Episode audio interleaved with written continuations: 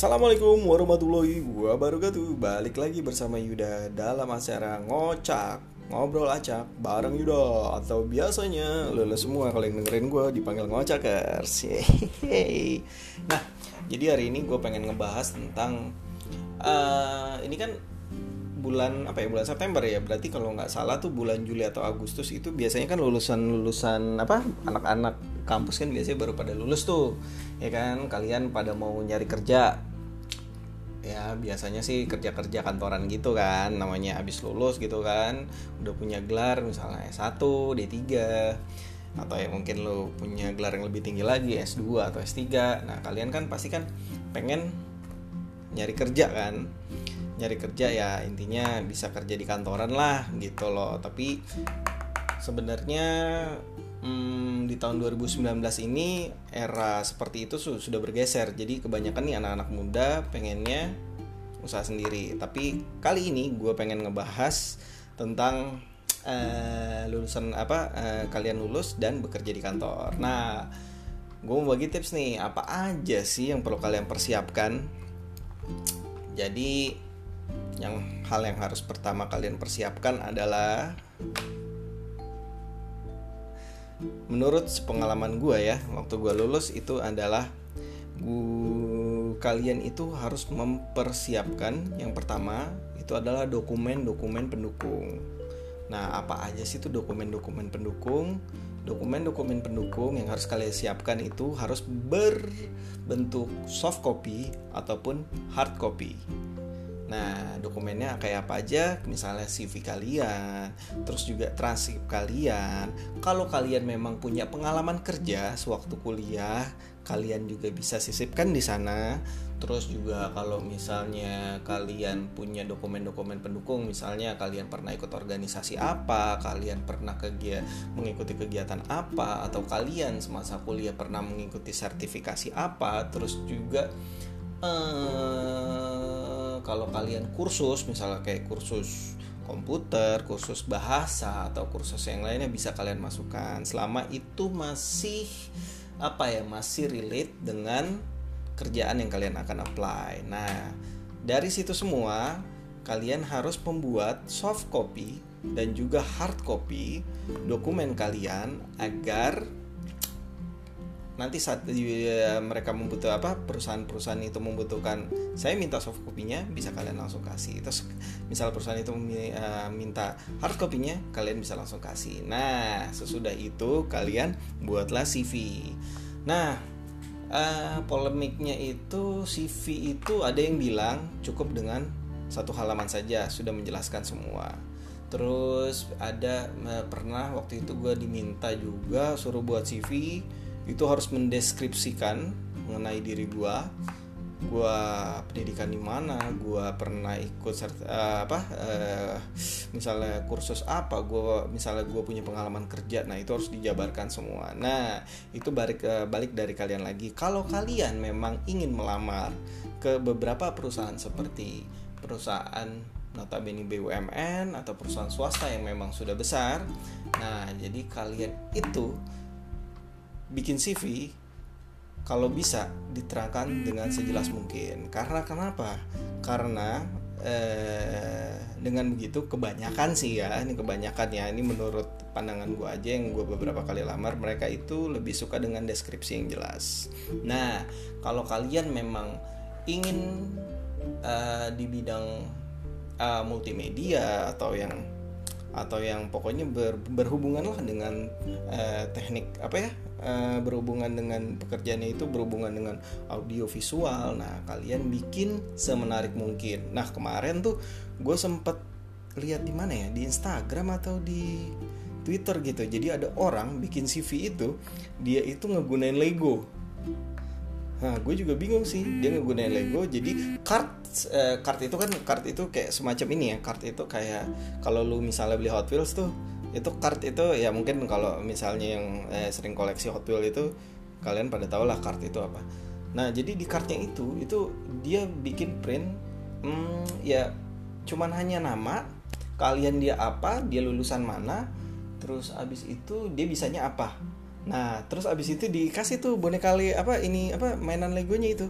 pokoknya kayak berbentuk mainan deh CV-nya dan itu saya apa gue juga nggak tahu tuh katanya sih berita yang itu ini apa berita yang tersebar itu itu akhirnya dia diterima oleh perusahaan itu. Ya who knows ya, ya. Mungkin karena dia kreatif juga gitu. Nah kalau kalian ingin uh, berkecimpung di dunia audiovisual ya kalau bisa bikin sekreatif mungkin. Karena memang dunia seperti itu uh, memang membutuhkan kreatif yang cukup uh, besar gitu loh. Sedangkan kalau lu di perusahaan-perusahaan resmi seperti swasta nasional atau BUMN mereka itu uh, membutuhkan sebuah hal yang detail jadinya kalian harus membuat CV kalian sedetail mungkin gitu loh. Kalau kalian punya pengalaman di mana, pernah kerja di mana, pernah part time di mana, nah itu kalian masukin aja karena mereka akan melihat seberapa besar sih sesuai nggak sih CV kalian dengan kemampuan kalian. Nah sesudah itu itu hal yang pertama.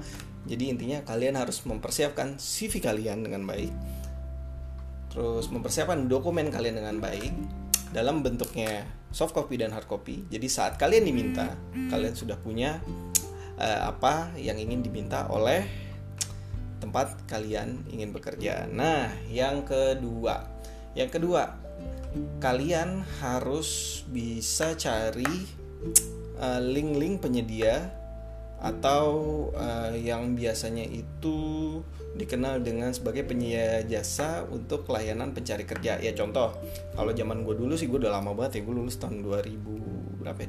2009 atau 2009 jadi uh, waktu itu zaman zaman gue itu masih ada job street job ID terus apa lagi ya?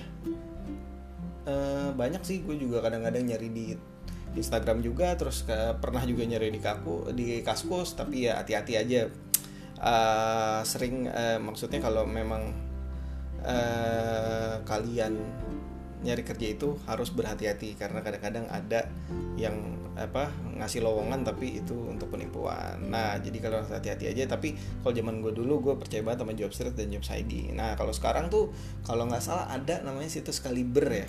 Kaliber tuh kalau kalian mau uh, coba bisa dicari. Kalau nggak salah itu bentar bentar bentar. Kita coba cek dulu ya. Di biasanya sih gue nyatu cek di Google. Jadi kalian bisa cari di uh, tulisannya ejanya kaliber. Jadi K A L I B R R. Nah kalian bisa nyari kerja di situ juga. Terus juga bisa di cakapinterview.com ini gue nggak disponsorin ya tapi gue hanya berbagi informasi pada kalian. Ya yang paling uh, ini banget ya job street atau job ID gitu. Kalian bisa nyari pekerjaan yang sesuai dengan keinginan kalian. Dan kalian bisa apply langsung di situ dengan cara ya kalian login dulu. Pertama buat uh, email kalian apa menggunakan email menggunakan email kalian atau dengan yang hal dengan yang lain. Kalian login kalian isi biodata dulu di sana. Kalian juga bisa upload CV dan tentunya juga kalian upload foto kalian. Nah kalau bisa yang bagus mungkin ya semenarik mungkin gitu supaya perusahaan perusahaan juga tertarik dengan kalian. Nah terus abis itu kalian juga bisa datang nih ke job fair job fair biasanya sering banget tuh diadain di apa? Di uh, contohnya tuh kayak di kalau dulu gue sering banget ikut di gedung ini gedung Smesco ya yang ada di wilayah Jakarta Selatan situ deket tendean. Nah kalian tuh bisa apa? Bisa ini nih ikut-ikutin kayak job expo misalnya job expo, job expo kampus. Nah kalian bisa ikut di sana karena nanti kalian akan berhadapan langsung dengan HRD-nya dan juga kalian akan diarahkan untuk uh, mendapatkan pekerjaan sesuai dengan jurusan kalian. Nah kadang-kadang juga ada yang ya, sampai interview langsung tuh. Kalau misalnya kalian bisa interview langsung malah lebih bagus lagi. Karena uh, di situ ya ibaratnya kalian sudah mendapatkan satu step lebih ya kan? Ketimbang kita cuman apply ngasih lamaran terus habis itu hmm, kayak dipanggil-panggil kan nggak enak juga kan jadi kalau kalian bisa langsung interview langsung di sana dan kalian bisa menunjukkan skill kalian ya kenapa enggak gitu loh. Makanya banyak-banyak ikutin jobs expo. Nah terus juga kalau biasanya sih uh, kalau di job expo itu sendiri nanti kalian tuh ada yang namanya tuh presentasi-presentasi dari berbagai perusahaan. Itu juga jangan sampai ketinggalan karena nanti di sana juga akan uh, akan ada sesi tanya jawab terus juga kalian akan diberitahu nih mengenai karir kalian mengenai perusahaan tersebut gitu loh. Apakah kalian akan berkembang di sana? Nah itu akan menjadi informasi yang sangat penting buat kalian semua. Nah terus apa lagi ya kalau di job expo itu? Uh, kalian juga bisa berinteraksi dengan uh, tem orang-orang lainnya. Mungkin kalian bisa juga mencari koneksi di sana. Mulai dari yang para pencari kerjanya juga dari HRD-nya juga. Kalau misalnya kalian butuh kerjaan yang kalian pengenin kalian bisa nitip sama HRD-nya kalau misalnya uh, kalau ada pekerjaan yang sesuai dengan minat kalian kalian bisa dihubungi oleh HRD HRD-nya tersebut. Nah terus juga kenapa gue bilang soft copy tadi uh, di awal pertama kali gue ngomong itu sangat penting. Karena kalau setahu gue ya, di job street itu kita tuh nggak bawa CV CV kan. Kalau orang dulu kan uh, bawa map dalamnya terus ada CV gitu kan. Bawa map bawa map cari pekerjaan yo. Ya kan sasmi anjay. Ya kan jadi uh, gini kalau zaman dulu kan orang kan nyari kerja tuh kayak film sidul ya kan lu pernah lihat ya kan bawa map bawa CV nah untuk zaman sekarang tuh udah nggak lagi ya kan. Kalian semua pasti udah pada tahu lah kalau ini mah. Jadi kenapa gue bilang eh, sediain soft copy itu sangat penting ya. Karena itu karena memang berguna sih buat nanti kalian cari kerja gitu loh. Jadi ya sekarang tinggal apply aja by email by application gitu. Jadi gampang aja kalau zaman sekarang. Gitu. Nah, terus yang ketiga, kalau kalian udah nih, udah udah uh, mengikuti saran gue yang dua sebelumnya ya, tinggal kalian tunggu aja. Uh, kalian dipanggil atau perusahaan minat dengan kalian ya kalau memang dipanggil persiapkan diri kalian sebaik-baik mungkin ya contoh kalian misalnya kalian dipanggil oleh perusahaan tersebut jangan lupa pelajarin tentang sejarah histori mereka sejarah bisnis mereka itu apa terus juga kalian harus tahu dengan istilah-istilah yang kalian apply ya. Jadi contohnya kalau kalian uh, apply kayak misalnya di sebuah perusahaan swasta gitu pengen jadi marketing ya kalian harus tahu ilmu-ilmu tentang marketing. Terus juga kalau kalian mau apply di kayak semacam divisi operasional kalian juga harus tahu basic-basic tentang operasional itu apa. Terus juga kalian pengen jadi apa IT atau apa ya kalian juga harus tahu basic IT karena gue pernah lihat waktu itu di job expo kalau kalian IT kalian disuruh ngebikin kayak semacam coding kecil-kecilan lah. Jadi di situ adalah sebagai alat pembuktian kalian. Jadi kalau bisa kalian persiapkan diri kalian secara matang. Nah,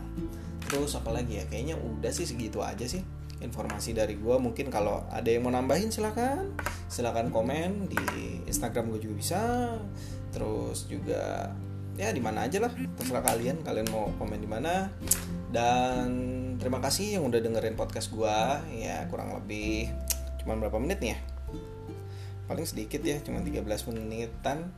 Jadi thank you banget yang udah mau dengerin gue celoteh sedikit-sedikit berbagi informasi kita di sini uh, saling sama-sama saling belajar. Dan assalamualaikum warahmatullahi assalamualaikum warahmatullahi wabarakatuh dan ciao